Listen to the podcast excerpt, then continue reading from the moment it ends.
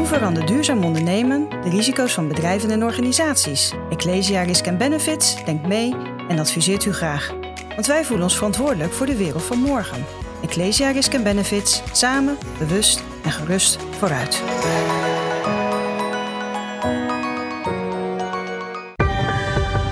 Ecosofie wordt mede mogelijk gemaakt door Renewy. Renewy. Minder nieuw, meer renew. Want afval bestaat niet. Wat drijft jou eh, ja, met waar je mee bezig bent? Ik ben gefascineerd door disruptie. En dat is natuurlijk een term die helemaal platgeslagen is door al die disruptive innovation vanuit Silicon Valley. Uh, maar uh, disruptie van bestaande patronen, van bestaande systemen, van be bestaande manieren van leven. Dat had ik al in mijn studententijd. Dat ik, ik heb politicologie, journalistiek en bedrijfskunde gestudeerd. En bij al die drie de studies kwam ik uit op een scriptieonderwerp dat te maken had met de grote disruptie van die tijd. Namelijk bij journalistiek had ik het over uh, de impact van complottheorieën op de mainstream media.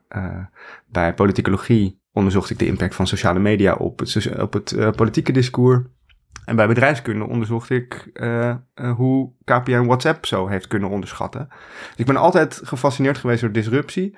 En toen ik begon met journalistiek werk, leek mij dat de meest zichtbare disruptieve kracht die technologie was. Dat vooral dat smartphone, wat ineens uh, zomaar een kwart van onze wakkere tijd is gaan koloniseren, hele grote veranderingen teweeg bracht. En daar heb ik zeven, acht jaar over geschreven, ook voor NRC.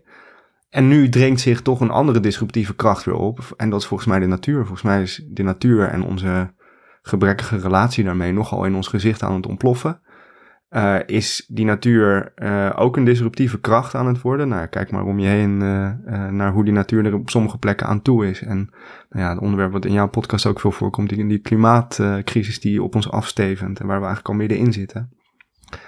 Ehm, dus disruptie. Ik vind het verstoren van de orde interessant en leuk ook.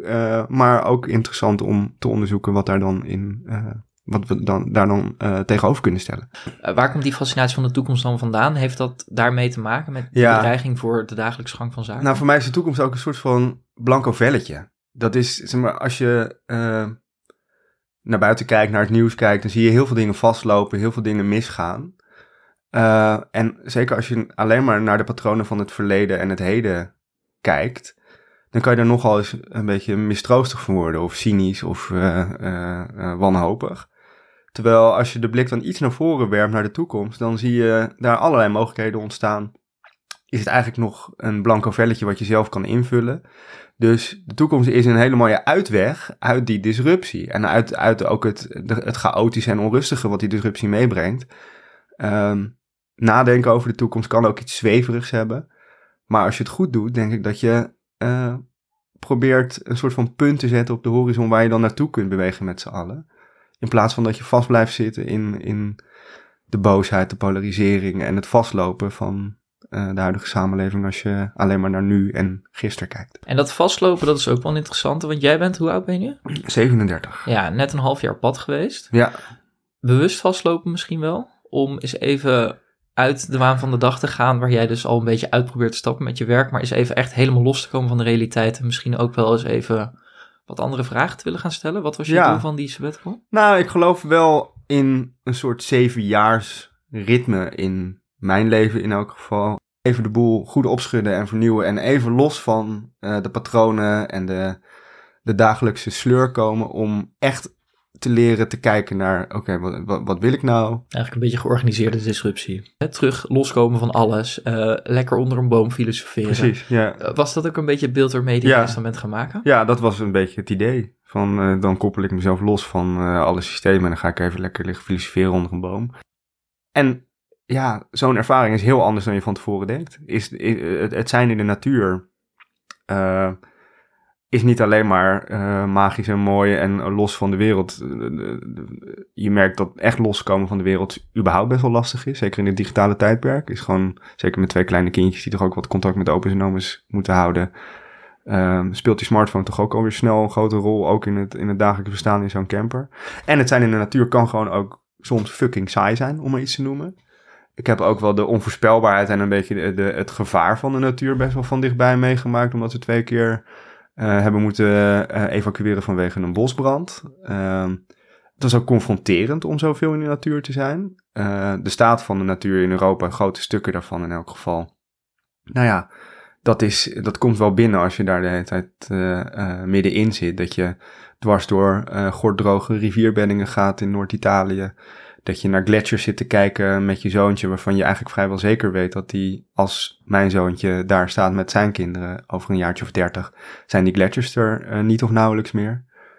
Um, maar eigenlijk is het wel fascinerend hè, dat wij als mensheid nu op zoek gaan, of dat is vaak hè, het idyllische beeld van ja. tot rust komen in de natuur, terwijl eigenlijk dat hele loskomen van die natuur een soort ontsnapping is geweest. Dus als je ook kijkt, dan is de natuurlijk eigenlijk gewoon een hele situatie van eten en gegeten worden.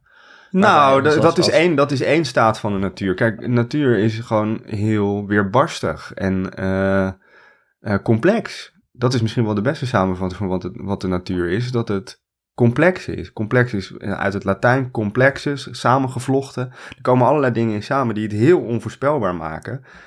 Uh, en je hebt twee grote organisatieprincipes in de natuur, namelijk symbiose en competitie. Als er schaarste is, komt de competitie. Dat zien we ook allemaal om ons heen. Als het even wat, wat moeilijker wordt in ons eigen leven, dan komt de competitie. En als er overvloed is, dan is er heel veel symbiose. En uh, het is niet gezegd dat als je in de natuur gaat zitten, dat je dan alleen maar een soort van idyllische uh, avatar, symbiotische wereld aantreft of zo. Uh, maar het was ook in die zin confronterend dat, je, dat ik dus zelf best wel een raar beeld had van die natuur. Dat, dat de natuur dus een plek is waar je naartoe gaat, in plaats van dat je er zelf überhaupt altijd al een beetje onderdeel van bent. Uh, en misschien toch een beetje een te geromantiseerd beeld van de hele tijd in de natuur zijn. Terwijl ja, de, de confrontatie met dat, die aangetaste natuur en de onvoorspelbaarheid en het gevaar soms van de natuur.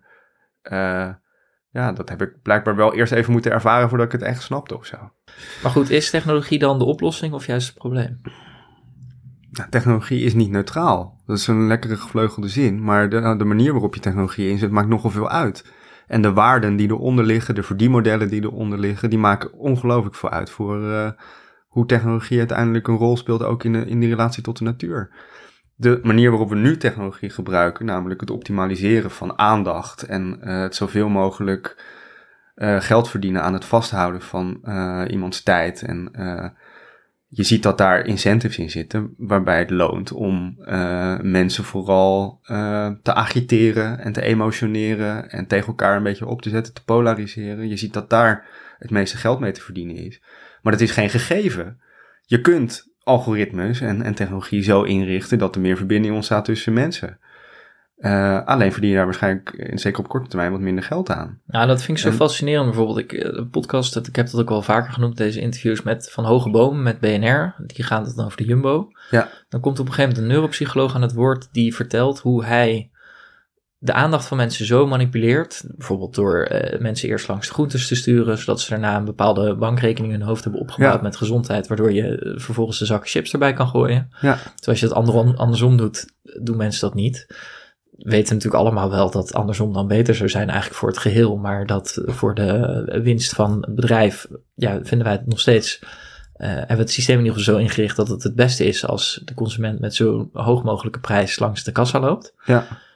Um, ja, die kwaliteiten zouden we ook gewoon op een goede manier moeten kunnen inzetten. Ik ben het helemaal met je eens. Kijk, nu uh, de allerslimste mensen van de wereld die bij, bij Google en andere grote techbedrijven, Apple, Facebook, uh, TikTok, al die slimste mensen die worden nu uh, betaald om een soort een spelletje schaak te spelen tegen ons brein. En uh, zoveel mogelijk op onze zwakke plekken en onze uh, emoties en dingen in te spelen, zodat we de hele tijd dat ding erbij pakken. En nogmaals, dat is geen gegeven. Dat is een keuze. En dat, dat, dat hangt samen met allerlei financiële systemen en ideologische keuzes.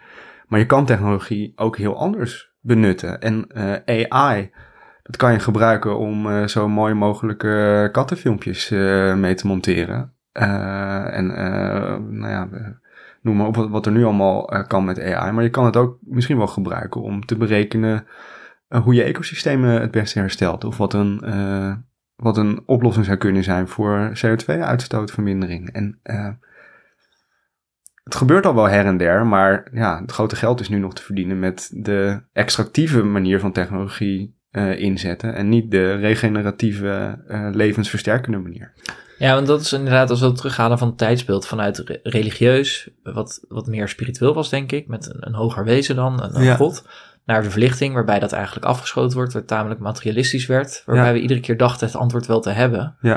Maar misschien dat we als mensheid ook eens moeten bedenken dat we de antwoorden niet kunnen vinden. Ja, exact. Dat we het moeten houden bij vragen stellen. Exact, ja. En wat zijn dan de relevante vragen die we zouden moeten stellen voor ook, ja, uh, een goede relatie met de natuur, een fijne toekomst? Nou, misschien dat we een deel van die crisis van perceptie kunnen oplossen door de vraag te stellen: wat wil die natuur eigenlijk? In plaats van wat willen wij van die natuur, wat wil die natuur? En uh, uh, uh, zou dat niet uiteindelijk een goede oplossing bieden, ook voor de problemen die wij hebben? Dat voorbeeld van die rivier die kronkelig weer wordt in plaats van kaarsrecht, vind ik een heel mooi voorbeeld. Dat je, als je dus de vraag stelt van wat wil die rivier eigenlijk? Voor zover een rivier iets kan willen. Ik weet niet of daar iets van een bewustzijn achter zit. Denk, persoonlijk denk dat dat uh, wel heel ver gaat om dat te denken. Maar wat je in ieder geval ziet is dat als je volgt wat die rivier uit zichzelf doet, dat je tot een oplossing komt die eigenlijk voor iedereen beter is. Dat het kronkelen van de rivier veel beter is voor iedereen, ook voor de mensen eromheen, dan elkaar recht maken. Schone lucht, gelijke kansen, een circulaire economie. Dat is allemaal niet links of rechts. Een mooie toekomst, daar moeten we samen aan werken. Teken daarom ook voor een duurzaam regeerakkoord. Ga naar duurzaamregeerakkoord.nl en teken het manifest.